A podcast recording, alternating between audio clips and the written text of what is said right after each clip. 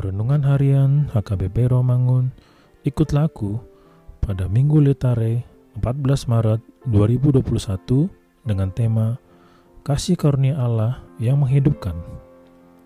Firman Tuhan hari ini diambil dari Efesus pasal yang kedua ayat 1 sampai dengan 10. Demikian firman Tuhan.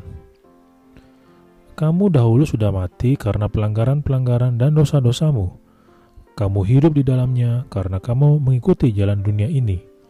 Karena kamu mentaati penguasa kerajaan angkasa, yaitu roh yang sekarang sedang bekerja di antara orang-orang durhaka.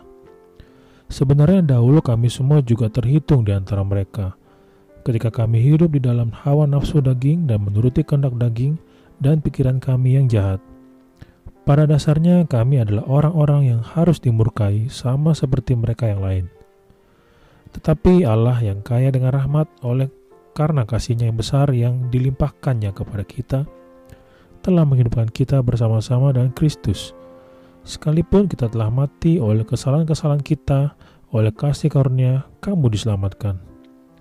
Dan di dalam Kristus Yesus, ia telah membangkitkan kita juga dan memberikan tempat bersama-sama dengan dia di sorga supaya pada masa yang akan datang ia menunjukkan kepada kita kekayaan kasih karunia-Nya yang melimpah-limpah sesuai dengan kebaikannya terhadap kita dalam Kristus Yesus. Sebab karena kasih karunia kamu diselamatkan oleh iman, itu bukan hasil usahamu tetapi pemberian Allah. Itu bukan hasil pekerjaanmu. Jangan ada orang yang memegahkan diri. Karena kita ini buatan Allah, diciptakan dalam Kristus Yesus untuk melakukan pekerjaan baik yang dipersiapkan Allah sebelumnya. Ia mau supaya kita hidup di dalamnya. Demikian firman Tuhan. Di dalam kehidupan kita saat ini, tidak segan lagi orang memperlihatkan bagaimana dosa mulai merusak dunia, sehingga dunia penuh dengan penyelewengan akibat pengaruh jahat secara fisik dan moral. Penyelewengan ini merupakan suatu pengalaman yang mau tidak mau dialami sesudah orang menjadi dewasa, menjalani hidupnya sendiri dan harus bergumul dengan kejahatan manusia terhadap sesamanya. Sikap bermuka dua dalam dirinya sendiri dan pada akhirnya menuju kematian.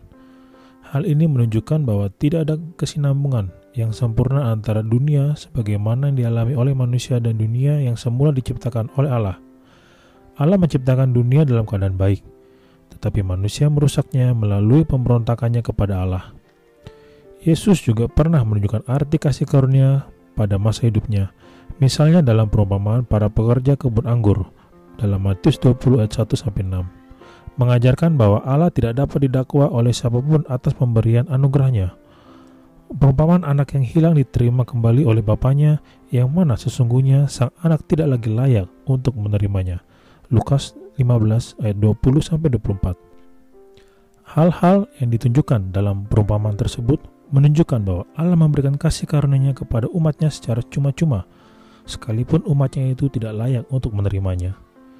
Di minggu letara ini kita diajak untuk bersorak memuji dia, sang pemberi kasih karunia yang tidak ada habisnya, yang tak bisa diukur dengan apa pun.